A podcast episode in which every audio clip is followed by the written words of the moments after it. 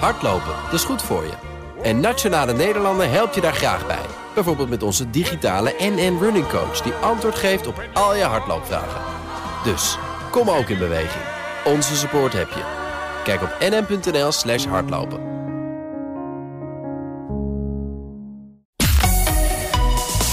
BNR Nieuwsradio. De AEX-factor. Paul Lasseur. Welkom bij de AEX-factor met daarin alles over de beurzen, beleggen en vermogen opbouwen. We struinen de beurzen af voor het belangrijkste en meest bizarre nieuws.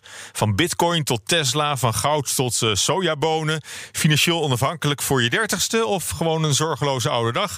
Het komt allemaal aan bod. En we kijken verder dan alleen beleggen in aandelen. Kortom, je bent helemaal bij als je luistert. En het panel vandaag bestaat uit Stan Westerterp van Bond Capital Partners. Dag Stan. Hi Paul. En we hebben net uitgerekend dat we al, al 14 jaar met elkaar in de studio staan. Ja, zeker. Dus uh, leuk dat, dat, dat je er weer eens, weer eens bent. En aan de andere kant Jasper Jansen, analist bij de Vereniging van Effectenbezitters. Dag Paul, leuk om een keer mee te doen. Ja, dag Jasper, goed dat je er bent. Um, ja, Unilever, Shell, ASML, stuk voor stuk aandelen waar we graag in beleggen. Maar waarom stoppen we zo graag geld in aandelen die een link hebben met Nederland? Is dat wel zo slim? Of nemen we daarmee onnodig risico? Die home bias, daar gaan we het straks over hebben. Maar eerst doen we een greep uit het belangrijkste nieuws van de afgelopen week. PostNL zag de cijfers alleen maar omhoog gaan. Een deel van de groei, en dat hebben we ook aangegeven in 2020, is inderdaad gewoon corona gerelateerd. Met andere woorden, is tijdelijk. Dus wij verwachten zeker dat spulletjes die je gewoon nu digitaal hebt besteld, die je echt nodig had en die je straks toch weer in een winkel gaat kopen, dat dat zeker het geval zal zijn. Beurzen nog steeds in de ban van rentestijgingen in de Verenigde Staten. Dat is ook de reden waarom bij ons ook, en ook natuurlijk wereldwijd, technologie zo gebest wordt. Want die hebben juist met name last van de rentestijging. Laten we even kijken inderdaad naar de oorzaak. Want we hebben nu meerdere keren gehoord. De rente natuurlijk. Maar uh, een deel van de trigger is ook Jerome Powell, de baas van de Amerikaanse centrale bank. Wat heeft hij dan gezegd? Hij stelde de markten gisteren in een ja, toespraak in een bijeenkomst voor de Wall Street Journal niet gerust. En er was toch op gerekend. En dan krijg je weer zo inderdaad zo'n rente sprong omhoog. We know that the Federal Reserve has signaled that it has no eagerness to want to raise interest rates anytime soon, especially if inflation tilts above its 2% target. The Fed says it's going to be okay with that. But again, nothing particularly new. The Fed's been saying that for months now. Ja, we hoorden onder meer Herna Verhagen langskomen. De coronacrisis bezorgde PostNL een recordjaar. Dankzij de lockdown en dichte winkels explodeerde de vraag naar het bezorgen van pakketten. De omzet steeg daarmee naar 3,3 miljard euro. De bruto winst verdubbelde bijna tot 245 miljoen. Nou, topjaar dus voor het, voor het bedrijf. Ja, PostNL transformeerde binnen een paar maanden van kwakkelend postbedrijf naar een mega succesverhaal hè, voor de oppervlakkige waarnemer. Mag topvrouw Herna Verhagen zichzelf hiermee op de borst slaan? Of is dit een eenmalige wederopstanding van het bedrijf die niet eens aan haar te danken is, Stan? Hoe, hoe zie jij dat? Um...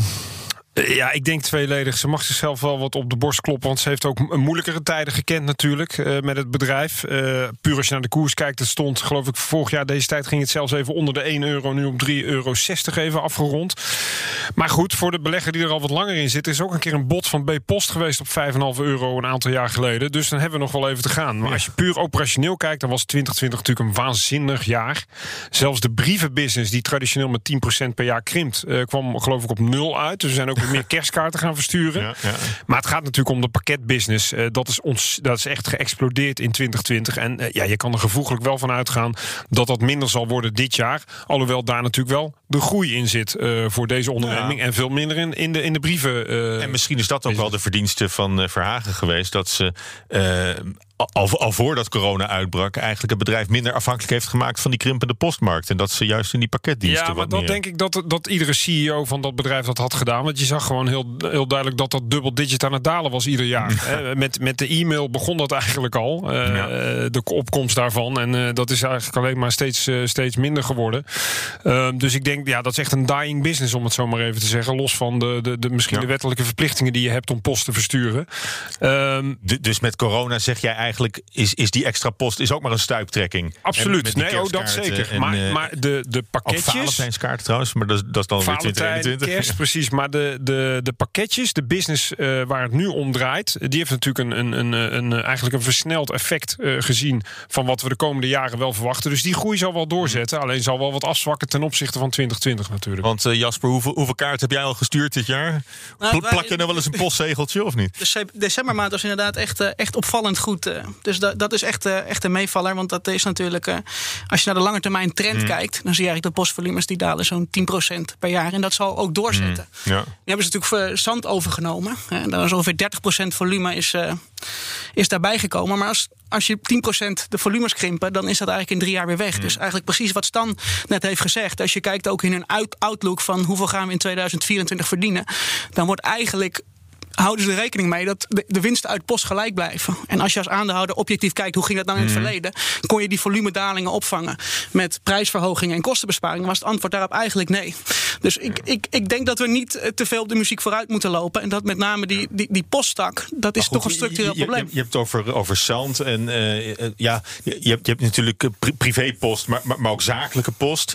En juist bij die zakelijke post zien we het heel erg, heel erg teruglopen. Ja, nou ja, Dus- dus los van het wettelijke stuk dus inderdaad. Wat nog Ze hebben een concurrent uit de markt genomen, kun je zeggen. Ja, daar, daar was ook nog een hoop discussie over. Ze hebben de postzegelprijs kunnen verhogen. Dat is Ja. natuurlijk ook wel prettig. eh, zeker als je monopolist bent inmiddels. Eh, Maar ja, laten we eerlijk zijn. Er is gewoon volgens mij ook maar ruimte op de Nederlands, kleine Nederlandse markt voor één postbezorger uiteindelijk. Dus dat vind ik ook niet zo gek dat dat, eh, dat, dat gebeurd is. Maar goed, de- deze ook, ook voor de pakjes. Gaan we maar weer terug naar de pakjes. Misschien moeten we wel eh, gewoon wat minder naar die post kijken. Want dat, dat is een, een aflopende zaak. Ja. Maar als je naar die pakjes kijkt. eh, straks als alles weer gewoon in de, in de winkels gaat, gaat winkelen. dan zal ook de vraag naar, naar die pakketleveringen wat, wat gaan afnemen. Maar er zijn ook behoorlijk wat concurrenten. Hè. Je hebt DPD, DHL, UPS. Amazon. Ja, Amazon. eh, of winkel, winkelmedewerkers die het zelf wel even gaan brengen. Dat hebben we ook heel veel gezien in, Ja. de, in, in de lockdown. Ja, correct. Ja, Herna Verhagen zegt zelf dat de groei groot genoeg is voor alle spelers. eh, als ik haar goed beluister. Dus dat ze zich ook niet zoveel zorgen maakt om de concurrentie. Zeker niet om een, om een Amazon.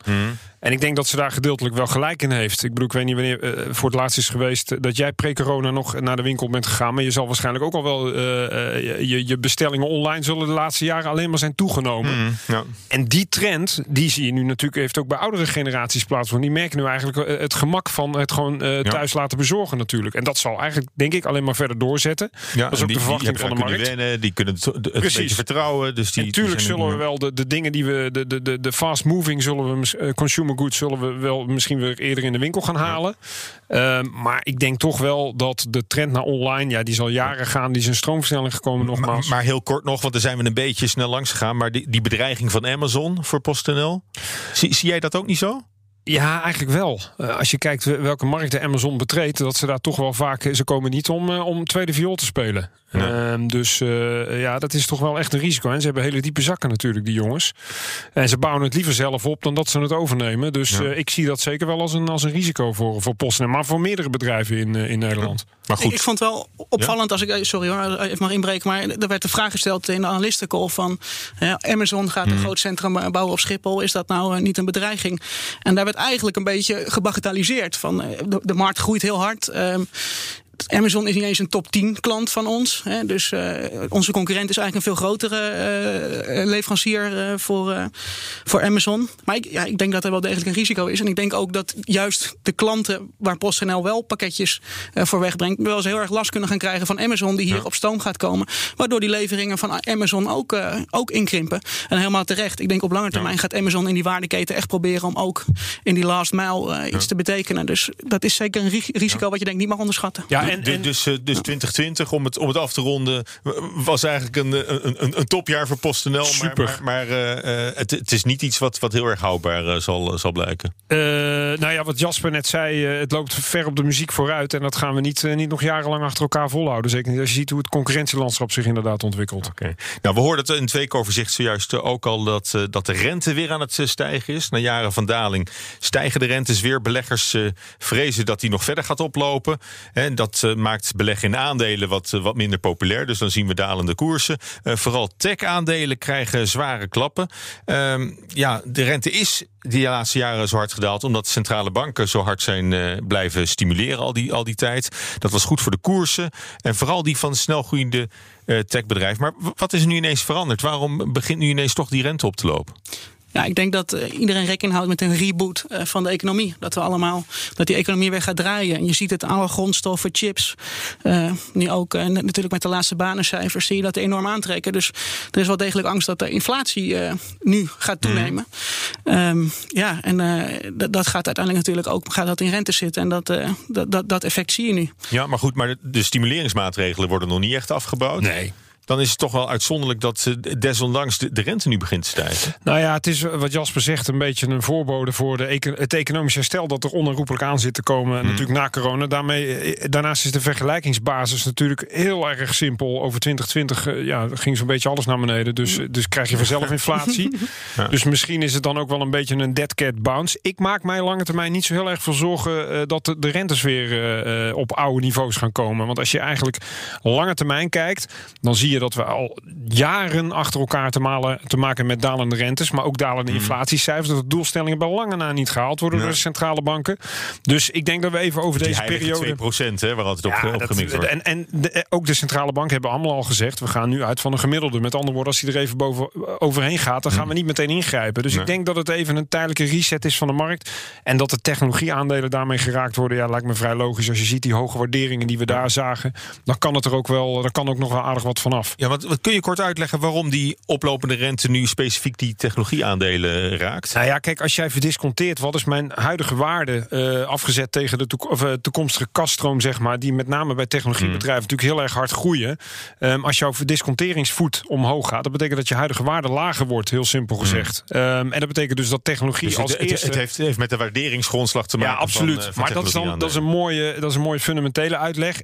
Ik ben gewoon van mening, waar is de, de meeste groei geweest... en waar is de overwaardering en waar zit de, de, de bubbelvorming in? Dat is in de technologie-sector. Dus eh, als men gaat verkopen, is het eerste waar, waar, wat men gaat verkopen... is die Waar- waar hoge de waardeerde meeste lucht in was, technologie. eh, ja, was- was precies. Technologieaandelen. En dat zien we nu dus al eh, gebeuren. Want iedereen keek uit naar sussende woorden van eh, vetbaas Jerome Powell.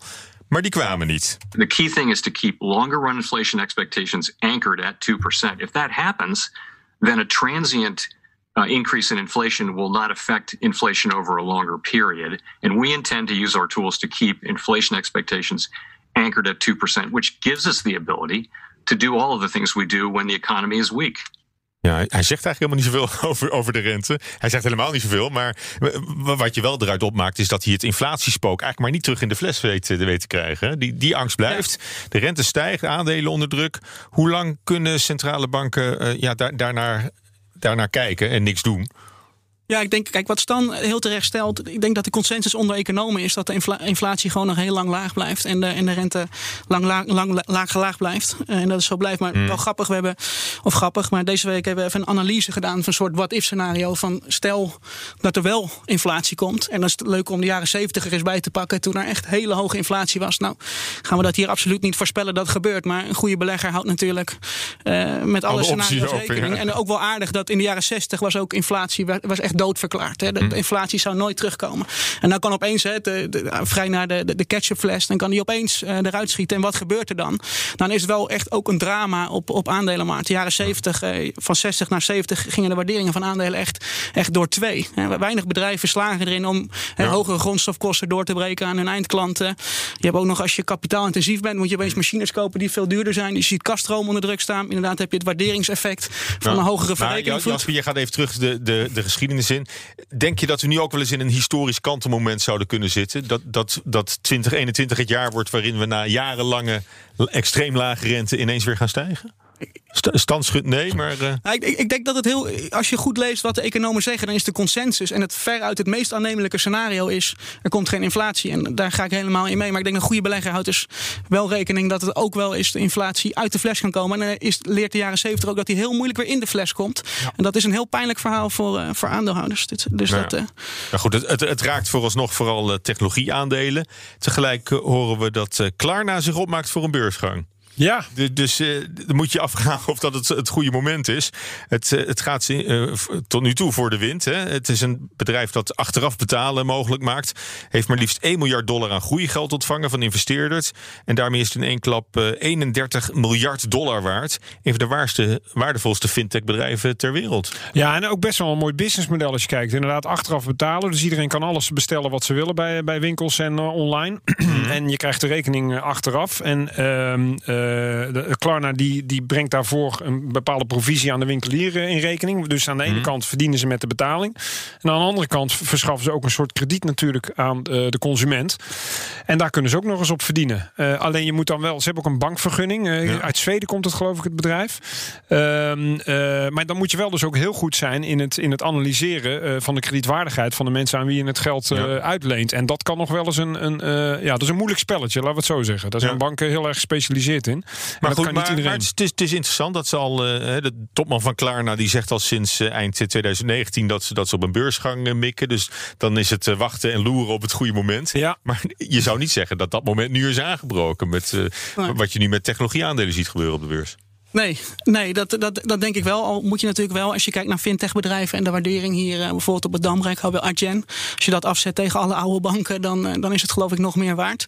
Dus voor, in, in, in dat domein is het misschien, is het misschien wel kansrijk om, om, om, om hier naar te kijken. En je ziet natuurlijk ook dat toch wel hele slimme tech-investeerders hier ook in zitten. Dus die 31 miljard zou ergens op gebaseerd zijn. Wat ik wel aan het. Wat, ja, rappers zitten er toch in, of niet? Snoop Dogg. Volgens mij is je op 2 miljard ingestapt. Van de, van de eerste. 2 miljard ingestapt, nu 30 miljard waard. Dus dat, is, ja. dat moet een hele goede, goede belegger zijn. Maar, maar, maar, niet via de beurs dus? Nee, nee dat gaat dan in eerdere uh, uh, ja, start-up rondes. En eigenlijk hmm. zie je ook als je naar die waardering kijkt. Dus hij is hoe een, snel een dat is gegaan. eigenlijk in het. Uh, ja, dus ja. een half jaar geleden was het ik 10 miljard. En nu is het 30 miljard.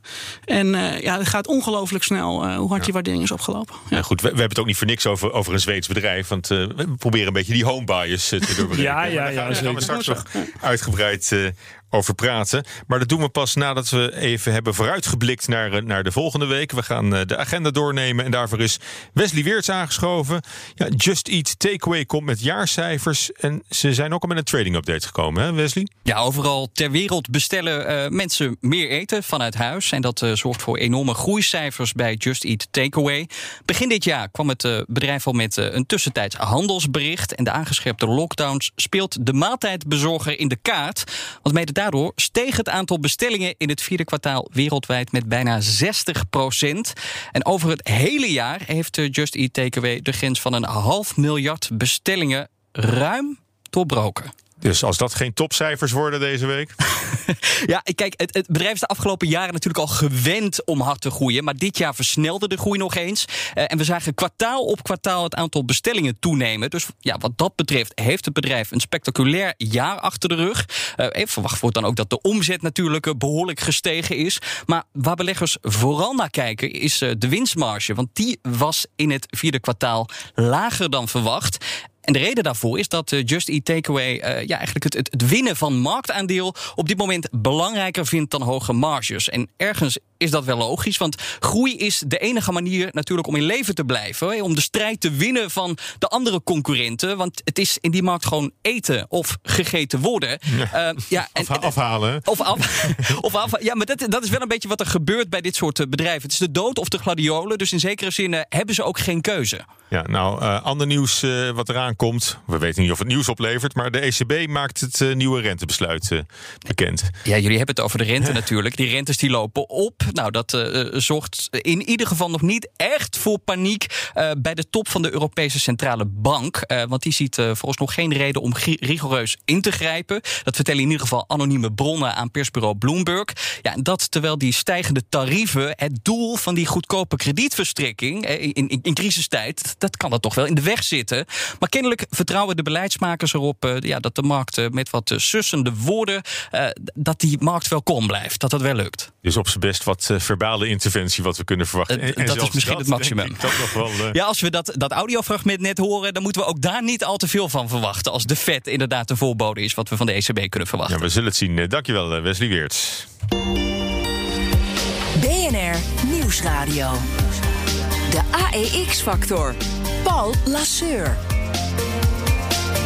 Ja, we zien het wel meer bij uh, Nederlandse beleggers. Een chauvinistische voorkeur voor aandelen van eigen bodem.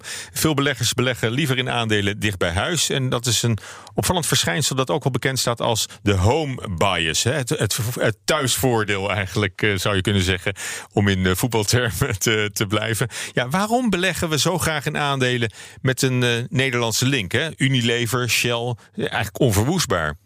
Ja, ja, ik denk dat een logische verklaring is natuurlijk dat je belegt belegt in wat je, wat je kent, hè, wat je ziet, wat je dagelijks uh, eet, waar, waar, je gebruik van waar maakt, je tankt, waar je ja. tankt uh, en, en dat je daarvan uit. En natuurlijk vanuit historisch is er ook wellicht een iets andere verklaring voor en dat is gewoon de informatievoorziening. Nou, als je terug naar de jaren tachtig Hmm. gaat en je wilde beleggen in noem eens wat een Danone, dan was het jaarverslag denk ik gewoon in het Frans, laat staan Engels en dan kon je het niet goed lezen. En door het internet is dat natuurlijk helemaal veranderd, maar we zijn eigenlijk wel blijven vasthouden aan als Nederlander chauvinisme om in, in Hmm. Nederlandse bedrijven te beleggen.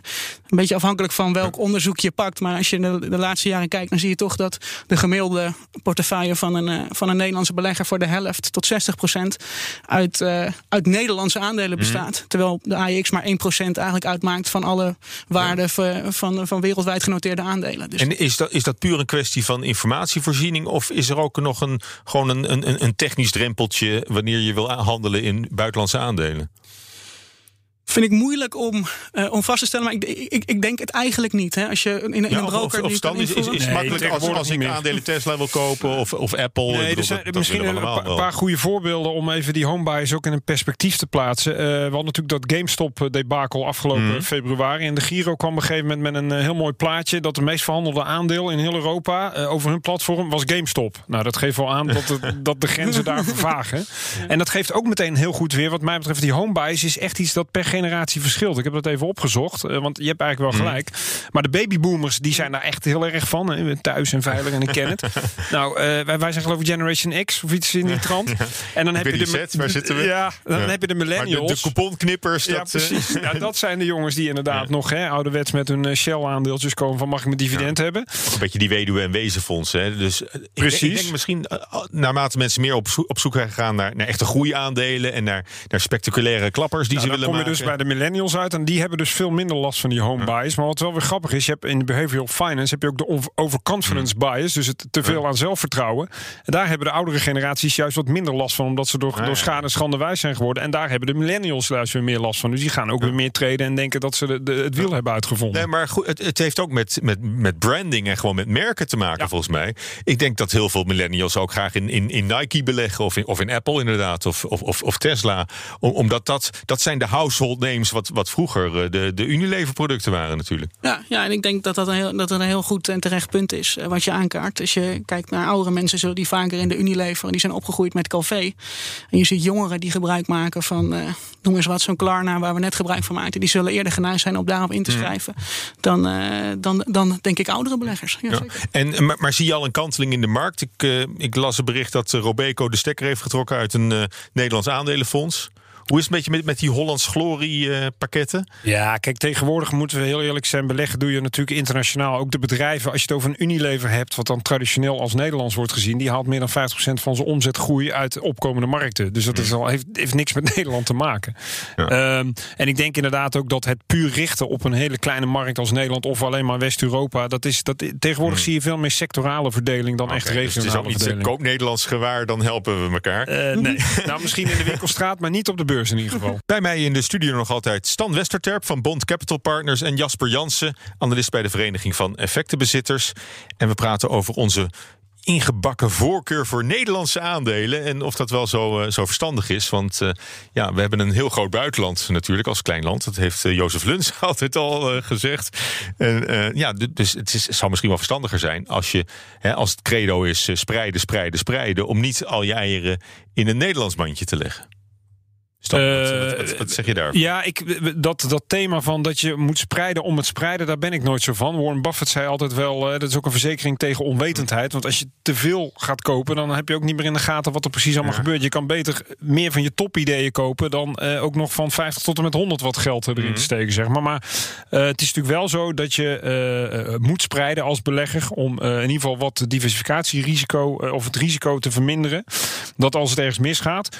En dan is het wel handig inderdaad om dat niet zoals vroeger te doen... om alleen maar naar Nederlandse aandelen te kijken. Maar inderdaad wereldwijd. En met name wat we net al zeiden... is eh, eh, ook in sectoren eh, met name te spreiden. Verschillende sectoren in plaats van in verschillende regio's. Oké, en, ja, en dan kom je al automatisch, ook om- omdat we zo'n open economie zijn, eh, heb je tegenwoordig als je naar, naar Unilever kijkt, dan kijk je al automatisch ook naar, eh, naar, eh, naar Nestlé of andere. Procter eh, Gamble, eh, eh, Danone. Procter Gamble, ja precies, allemaal buitenlandse En dat zijn bedrijven in natuurlijk nog dezelfde sector. beursfondsen die wij hebben. Ik denk dat als je echt puur alleen op Nederlands focust, heb je geen farmaciebedrijven, geen autobouwers, geen componentenbouwers van vliegtuigen, eh, geen farmacie. eh, hè, dus al die sectoren mis je en die kunnen wel degelijk als een soort schokdempers in je, in je portefeuille werken. Ja. Dus dat is wel een, een echt gevaar van, denk ik, echt Ja. te veel op alleen Nederland. eh. Ja, Ja, en het het is ja, nog maar wel- toch, hè, op zich, eh, eh, ik denk dat we het erover eens zijn dat het, het een beetje naïef is om, om, om zo zwaar op puur Nederlands eh, te, te leunen. Maar de Nederlandse bank heeft onlangs nog becijferd dat we echt wel een sterke homebias hebben. Van alle miljarden die onze huishoudens beleggen, stoppen ze ruim twee derde in Nederlandse beursgenoteerde eh, bedrijven. Dus er lijkt niet echt sprake van, van desinteresse voor de Nederlandse beurs. Ja, nou ja, ik, ik denk ook dat dat kan gewoon beter. Dat, dat kan, dat kan. Hè, de- ik denk particuliere beleggers kunnen echt eh, kunnen ze vandaag doen. Gewoon eens kijken naar hun aandelenoverzicht en gewoon eens kijken Hm. hoeveel daarvan is, is nou Nederlands en, eh, en waarom zit ik hierin. En dat ik Stan heel terecht zegt. Er, er is natuurlijk wel een voordeel van in Nederland beleggen. Hm. is Als je hè, de, de CEO komt in de krant, je leest een, eh, je leest een, een interview, je, je kan de business waarschijnlijk in ieder geval de illusie hebben dat je meer grip en controle hebt op de business. Ehm, en dat, dat kan een heel goed Hmm. wapen zijn voor een belegger. Omdat eh, het grootste risico voor een belegger, zeg ik altijd, is als je verkoopt onder een crash en iedereen in paniek is. En wanneer verkoop je? Als je echt denkt, ik heb eigenlijk geen Hmm. idee waar ik in zit. Ik moet hieruit. Als je in een Unilever of noem eens wat een Heineken nu. hè, Als we hier door Amsterdam lopen, kunnen we heel goed begrijpen waarom Heineken nu helemaal geen bieren afzet. En je begrijpt ook dat waarschijnlijk over een half jaar dat allemaal wel weer op gang gaat komen. Ja. Dus ik denk dat de gemiddelde dat- belegger Er is meer niet zal bier niet gedronken dan we kunnen inhalen hoor.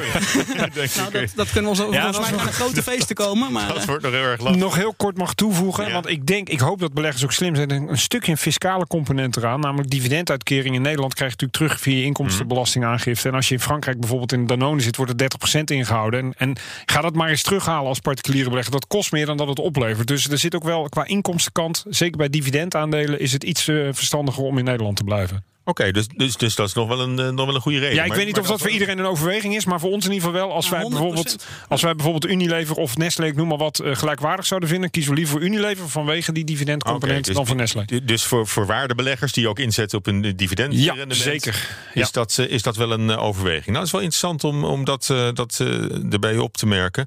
Ehm, je ziet ook wel juist Nederlandse bedrijven, en die zijn dan ook veel in het nieuws in, in, Nederland. Hè, maar dan heb ik het over nieuwe bedrijven, dus niet over Unilever en Shell. Maar eh, eh, ook ooit een nieuw bedrijf was bijvoorbeeld eh, TomTom, wat, wat dan een enorme doorbraak heeft. Of, of ASML, wat natuurlijk ook een bijzondere positie inneemt op, op de wereldmarkt. Is misschien toch wel leuk om, om, om daar dan wel in te beleggen. Maar dat, maar dat is dan niet omdat het Nederlands is per se, maar omdat het zo'n zo, zo'n zo'n bijzondere onderneming is. Ja, helemaal mee eens. Tuurlijk, je, je moet altijd goed je huiswerk doen. En daarvan, daar kan natuurlijk altijd uitrollen dat ASML, Hmm. wat het ook is, een prachtonderneming is. Met eh, ja, een echt een uniek concurrentievoordeel waar je het dan over hebt met die E, EUV-technologie. Nou, Adyen is misschien ook wel een eh, recenter voorbeeld nog. Ook, hè? Ja, dat zijn, ja, er zitten ook wel altijd weer eh, risico's aan. Maar er is niks mis met, met beleggen in Nederlandse aandelen. Je moet natuurlijk heel, heel goed je huiswerk doen waarom je, waarom je het koopt. En Ja. Maar goed, maar wat je terecht aangeeft, eh, natuurlijk ook als je, als je wil, eh, wil, wil spreiden, hè, ook om, om je risico's misschien wat eh, te, te, te temperen. eh, dat je dan het beste over verschillende sectoren kunt, kunt spreiden. Dat gaf, gaf Stan net aan. Maar goed, eh, niet alle sectoren zijn vertegenwoordigd op de, op de Amsterdamse beurs.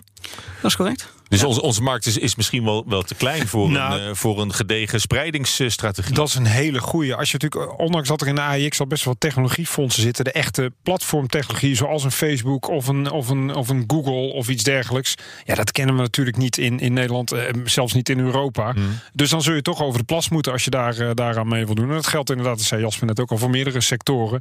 Worden niet allemaal in Nederland vertegenwoordigd. Dus als je die spreiding wil, eh, optimaal wil benutten, dan ontkom je er niet aan om af en toe ook eh, over de landsgrenzen te kijken.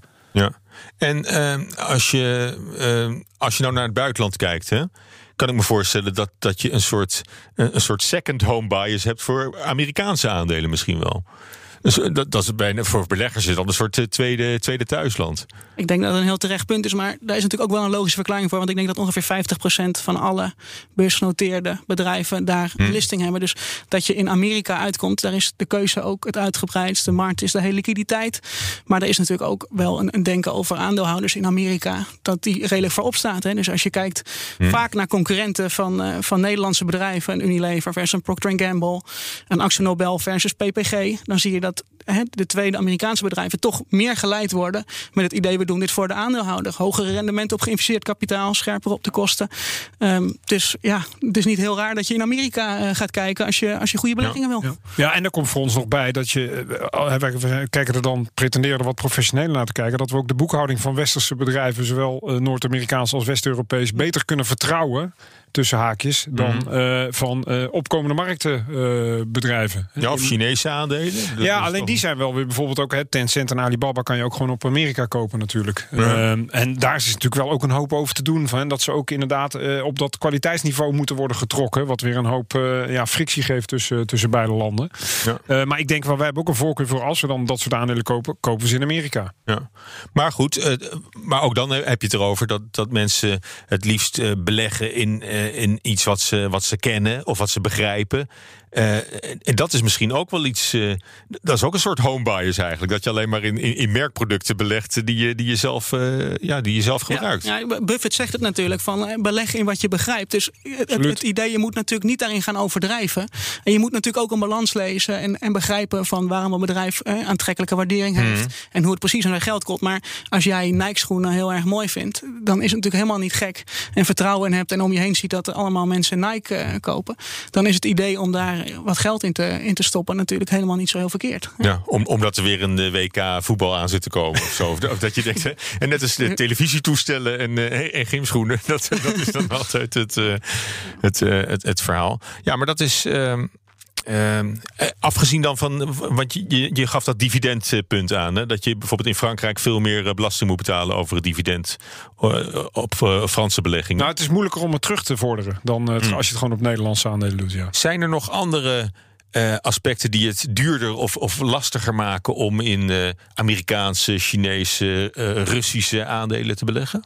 Nou, ik denk als je, kijk, als je brokertarieven vergelijkt met 20 jaar geleden, is het allemaal erg naar beneden gegaan. Dus het is veel goedkoper om te beleggen in aandelen. Maar hè, beleggen in Chinese aandelen is ongetwijfeld qua provisiekosten is dat natuurlijk duurder dan in Nederlandse en ik denk ook Amerikaanse. Amerikaanse aandelen kan je natuurlijk ook redelijk, redelijk goed in, eh, redelijk goedkoop eh, in beleggen. Dus dat is ook nog een rol. eh, die, die een beetje kan meespelen. Maar als je voor de lange termijn belegt, dan worden die provisie- provisiekosten over heel veel jaren uitgesmeerd. Dus echt veel, in- echt, een barrière is, is dat niet in, mijn, mijn opinie. Nee, ja, valutarisico is nog een belangrijke.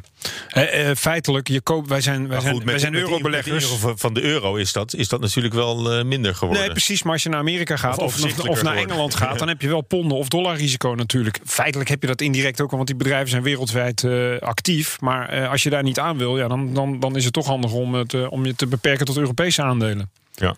Ja, het zit met name denk ik bij de valutarisico is dat je echt lokale spelers koopt die ook hun geld verdienen in die economie waar Ja. ponden Mhm. wordt afgerekend. Dan heb je aan het eind van de rit gewoon een winst die, die in euro's wordt, eh, wordt omgerekend. En dat, dat kan eh, slecht Mhm. pakken natuurlijk. Dus dat is iets wat je wel natuurlijk eh, inderdaad op je netvlies moet, moet Ja.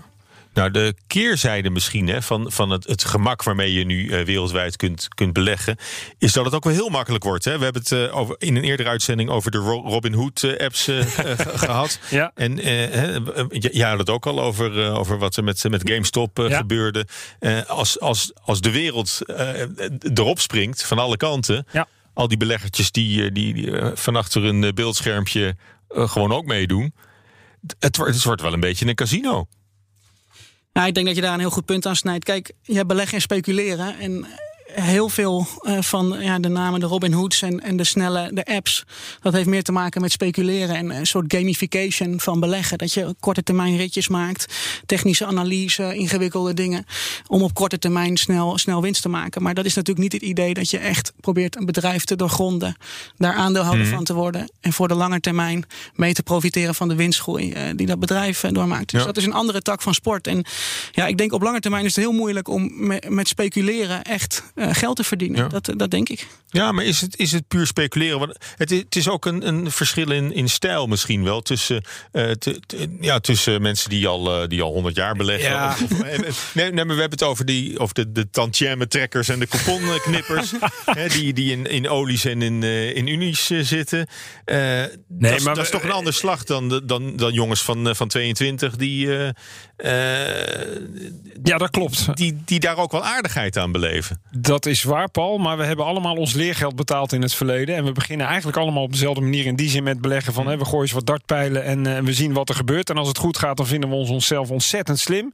En als het slecht gaat, dan is eigenlijk dat is de grootste les. Ja. Hè, dan leer je wat je dus inderdaad niet moet doen. Dus letterlijk wordt iedereen door schade en schande wijs. En dat GameStop is een heel mooi verhaal voor de mensen die er in het eerste uur bij zaten. Maar reken maar, daar had ik voor de uitzending met Jasper over... dat er net zoveel verliezers tegenover hebben gestaan... die wel even klaar zijn met, uh, met, met, beleggen, zeg maar. Mm. Uh, en dat is eigenlijk ook goed. Want dat betekent dus dat je uh, ja, dat leergeld... kan je het beste op zo jong mogelijke leeftijd betalen. En natuurlijk het liefst leer je van de fouten die een ander maakt. Alleen die voel je veel minder. Mm. dus ik denk, ik ben het gedeeltelijk wel met je eens... ook door de digitalisering, dat het veel makkelijker is geworden... om te handelen, te kopen, te verkopen en te speculeren op de beurs. Maar vroeg of laat krijg je een keer de deksel op je neus... en dan zullen mensen toch overgaan van het, het speculeren... naarmate ze ouder worden naar het Mm. echt meer beleggen inderdaad. En ja. daar op lange termijn rendement uit halen. Maar waarschijnlijk niet meer dat ze dan alleen nog maar in Nederlandse aandelen zullen willen beleggen. Nee, nee. Waarschijnlijk hebben ze dan toch, toch meer een soort beeld van de, uh, van de markt als, als de hele wereld. En, en, en niet puur de, de Nederlandse waar. Ja, en ik denk zeker waar we het net over hadden, dat jongeren ook echt op de, op de nieuwe hippe merken ook zitten. En daar waarschijnlijk ook zelfs een edge kunnen hebben over veel oudere beleggers. Die veel eerder op de hoogte zijn van trends en daarop kunnen inspelen. Maar dan wel toch met het idee om voor de langere termijn, denk ik, echt te begrijpen waarom een bedrijf meer gaat verdienen en dus meer waard wordt. In plaats ja. van dat je alleen tegen elkaar eigenlijk een spelletje aan het spelen bent. Mm. Waarbij de bank uh, altijd, uh, altijd wint met een hoge provisiekosten. En dat is natuurlijk iets wat je eigenlijk als belegger wil vermijden. Ja, nou, maar er, er, komt dus ook nog eens bij dat, dat jongeren anders dan uh, nog, nog bovenop dat ze, dat ze veel makkelijker hè, als digital natives de, dat, Absoluut. dat handelen. En de, voor, voor hun is dat, uh, is dat uh, lezen en schrijven. Dus dat, ja. is, dat, dat spreekt voor zich. Maar ik denk dat ze daarmee ook um, mogelijk verdienmodellen van, van, van bedrijven, van Amerikaanse start-ups uit, uit Silicon Valley en, en platformbedrijven, dat ze dat gewoon veel beter, beter doorzien of aanvoelen. Nou ja, wat Jasper zegt, brand awareness. Uh, leeftijd heeft natuurlijk ook te maken met welke merken je in aanmerking komt. Mm. En dat je inderdaad vroeger ziet, als versneller al ziet van... hé, hey, dit is interessant, uh, daar wil ik wel eens wat, wat, wat, geld in steken. Mm. Um, en inderdaad, wat dat betreft, veel meer trendgevoelig zijn uh, voor, voor wat, wat hip is en wat, wat opkomend is. En daar, daar zijn ze wel succesvol in geweest, laten we eerlijk zijn, de afgelopen mm. jaren. Als je kijkt naar wat voor bedrijven er in, op de beurs omhoog zijn gekocht, zoals een Tesla of een Beyond Meat of mm. een Zoom of noem het allemaal maar op. Uh, of een Bitcoin, cryptocurrency is natuurlijk ja. ook echt iets van, van een nieuwe generatie, wat mij betreft. Ja. ja. dan hebben ze wel gelijk. Alleen je ziet nu de laatste uh, tijd, ook met die rente die ineens oploopt, dat zijn ook wel de eerste namen die allemaal weer eraf ja. gaan meteen. Mm. En daar komen we weer. Dat is het leergeld dat je betaalt als je te laat uh, ja. erbij zit bij een trend. En heeft eigenlijk meer met speculeren dan met echt beleggen te maken, wat mij betreft. Ja, maar en, en, wat, en wat je ook nog ziet, en dat, dat zit een beetje in diezelfde sfeer, maar dat is, uh, daar hadden we het ook al even over. Ik geloof uh, Snoop Dogg en Jay-Z en al die, al, al, die, al die helden van, van, van, van jongere beleggers wellicht ook. Ja. Die zie je gewoon heel succesvol deelnemen in, in, in, in bedrijven, in start-ups of ook met, met hun eigen specs komen, hè, met, met beleggingsfondsen. dat, dat, dat maakt misschien, ook interessanter. Waar, waarmee dat misschien wel dichter bij ze staat dan, dan om het in Shell te beleggen. Ja, maar des te meer reden om weer ongelukken te gaan maken. Want ja, het is wel, ik hoor alleen maar grote stappen snel thuis en snel rijk worden. En rappers en uh, grote auto's, de, de gouden horloges, noem het allemaal maar op. Ja, Paul, zo, tenminste in mijn ervaring. Uh, ik, ik, heb het ook geprobeerd. Ik ben ook van een koude kermis thuisgekomen. Mijn vader heeft het vroeger nog een keer een tijdje gefinancierd. Maar die zei ook, hier stoppen we mee. Dus uh, ja, dat is wat, wat mij betreft uiteindelijk leergeld. Uh, er is no free lunch. En dat geldt bij beleggen ook, ook niet. En je kan vaak ook natuurlijk niet eens meedoen. Hè? Dus die echte die rappers die hebben toegang eerder voordat het naar de beurs gaat. om al in te stappen. En dan wordt ook al ook vaak een, een heel groot deel van de winst. of the brand, een soort ja. ambassadeur die en dan. Volgens mij heeft Snoop Dogg zelfs geadverteerd voor dat fintech bedrijf. Dus ik weet niet of daar, of daar zelfs nog cash over tafel is gegaan met zijn investering. Of dat hij zich he, heeft laten betalen met, uh, met, met reclames die hij maakt. Um, ja, dat, uh, zo kan het ook. Hè? Dat kunnen wij denk ik niet, maar een Snoop Dogg uh, kan dat wel. Tot zover de home bias, jongens. Is toch één ding waar ik het over moet hebben. Want we hebben een gouden tip binnengekregen van Victor Salomon. Een luisteraar. En die zegt, je moet het aandeel Vestas hebben. En ik keek daar nogal van op van die tip. Want ik dacht, ik, ik, ik dacht ik hoorde de echo van, van, van vijf jaar geleden of zo. Dat is een windturbinebouwer uit Denemarken, volgens mij. Een, van de, een, een marktleider in, in, in, in windenergie. Ja, hebben ook een eigen park, als ik me niet vergis. Ja. Dus uh, ja, interessant. Hè? Nu... is heel hard gestegen, omdat het het enige windturbinebedrijf was, volgens mij, waar je, waar je geld uh, überhaupt in kon. Nou, de enige pure play, Siemens en zo, maken ook turbines. Alleen ja. die kan je niet loskopen. Dus dan koop je het hele conglomeraat. En Vestas is inderdaad de enige waar je rechtstreeks in kan. Maar ook de koers hiervan, ja, die, die, die schiet alle kanten op. En als je nou waardering... rustig bezit, hè? Nee. Aandeel, uh, Vestas. Nee, je moet weten wat je doet. Windenergie, zonne-energie, het gaat allemaal door het dak. Nu, nu ik over denk, volgens mij was bij Vestas wel de case, maar dat weet jij misschien beter dan dat die steeds meer gingen leasen. Dus dat ze niet alleen de turbines bouwen, maar inderdaad de parken beheren en daar een hele stabiele kaststroom uit halen. Ja, as a service. helpt dat. Wind as a service. Wind as a service. Iedereen ja. Dus ook, uh, ja, dat is goed. Als ze dat zeggen, dan verdriedubbelt het aandeel. dat is meteen een goed verdienmodel. Maar uh, hoe, hoe kijken jullie daar tegenaan? Want op zich snap ik de redenering ook wel van we gaan steeds meer elektrisch rijden, we gaan elektrisch onze huizen verwarmen, uh, we zullen veel meer elektriciteit moeten gaan opwekken, liefst op een duurzame manier. Ja. Wat ligt er dan meer voor de hand dan dat, uh, dat, dat lijkt mij goed nieuws voor bedrijven die uh, windturbines Nee, dat, met die basis, dat klopt. Alleen je kijkt natuurlijk altijd wel, oké, hoeveel geld gaan we ermee verdienen? Wat is de winst die we eraan overhouden? En wat is het ons waard? Hoeveel willen wij hmm. voor die winst betalen? Heel simpel gezegd. En als de hele wereld zo denkt, zoals deze meneer uh, omschrijft en, en, jij ook, ja, dan kan je nu al vergif op innemen dat die waardering zo ontzettend hoog is dat het dan niet interessant meer is om daarin mee te gaan beleggen. Want het kan eigenlijk alleen maar tegenvallen in de toekomst. Maar ze zijn, ze zijn pas met, met enkele tientallen procenten gedaald weer. Ja, ja, ja, ja. Zeg je dan ook niet, dat is een instapmoment? Nou ja, dan moet ik even. Toch nog, toch nog, even mee te gaan. Laat ik zo zeggen, ik zal hem op de radar zetten. Ik zal eens goed naar de waardering gaan kijken aanstaande maandag. En naar, uh, naar, naar het verloop van de cijfers, inderdaad. Tuurlijk, het is een hele interessante sector. Uh, energie is, ja, de energietransitie is altijd de vraag natuurlijk: waar gaat het geld in de toekomst vallen? Uh, maar primair, als ik nu even heel snel naar de waardering kijk, denk ik: oeh, het is nog steeds wel prijzig. wil ik hier nog geld aan gaan verdienen in de toekomst? En we, het beleggen hebben we net al vastgesteld, doen we voor de wat langere termijn. Dus we moeten ook voor de langere termijn mm. beleggen nog steeds winstpotentieel in zitten, natuurlijk. Oké, okay, maar is, is het nou typisch een voorbeeld van een sector die heel erg interessant is, maar dat je nog eens goed moet kijken welke, uh, welke bedrijven, of misschien moet je wel twee of drie uh, uitkiezen ja, nou, om het daarin te spreiden? Ik, ik, denk inderdaad precies wat we net allemaal hier bedachten is, er gaat een enorme transitie komen van fossiel naar groen. Het punt is, iedereen ziet dat. En je ziet ook dat de markt er inderdaad enorm op vooruit is gelopen. Dus je ziet ook nutsbedrijven die zich concentreren op groene energie, die krijgen waarderingen die, ja, die je bijna niet rondgerekend krijgt hoe, hoe dat ooit terugverdiend gaat worden. Dus ja, ik denk, het, is prima dat het gebeurt. Het is ook goed dat die bedrijven heel veel geld kunnen ophalen. Daarvoor gaan we die transitie betalen. Maar je kan je afvragen of als belegger, als je nu instapt, of je daar een, aantrekkelijk rendement op gaat maken. Dat, uh, dat is de vraag. Oké, nou, ik, uh, ik wil de luisteraars uh, toch oproepen om nog uh, vooral gouden tips te, ja, te blijven. Heel graag, wij luisteren ook mee. In, te we gaan gewoon kijken op maandag natuurlijk. Ja. Nog even achter Bloomberg. Vestas is, is, is riskant, maar ja, kan interessant zijn. Maar een, een, een, het grootste deel van, van de rit hebben we al. nou ja, het, gehad, nog toch kort. Je ziet het ook bij waterstof. Dat is geëxplodeerd. Je ziet het bij kernenergie. Ja. Dat is geëxplodeerd. Je ziet het aan het wind, zon. De energietransitie is een hot topic. En beleggers ja, lopen en, daarop en vooruit. Laadpalen voor. La, af, aflen, uh, ja, joh, het, is, het, kan, het is niet aan te slepen allemaal. Maar de, de, de, of die waardering gerechtvaardigd is, dat moet nog blijken.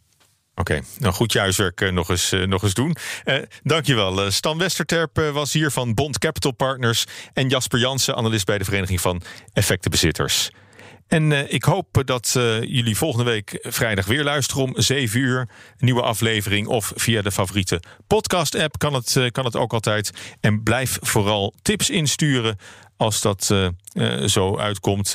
je eigen tip of misschien een tip die je van iemand anders hebt gekregen... en die je graag wil voorleggen aan onze analisten. Wie weet, heb jij wel de AIX-factor. Tot volgende week. Hardlopen, dat is goed voor je. En Nationale Nederlanden helpt je daar graag bij. Bijvoorbeeld met onze digitale NN Running Coach... die antwoord geeft op al je hardloopvragen. Dus, kom ook in beweging. Onze support heb je. Kijk op nn.nl hardlopen.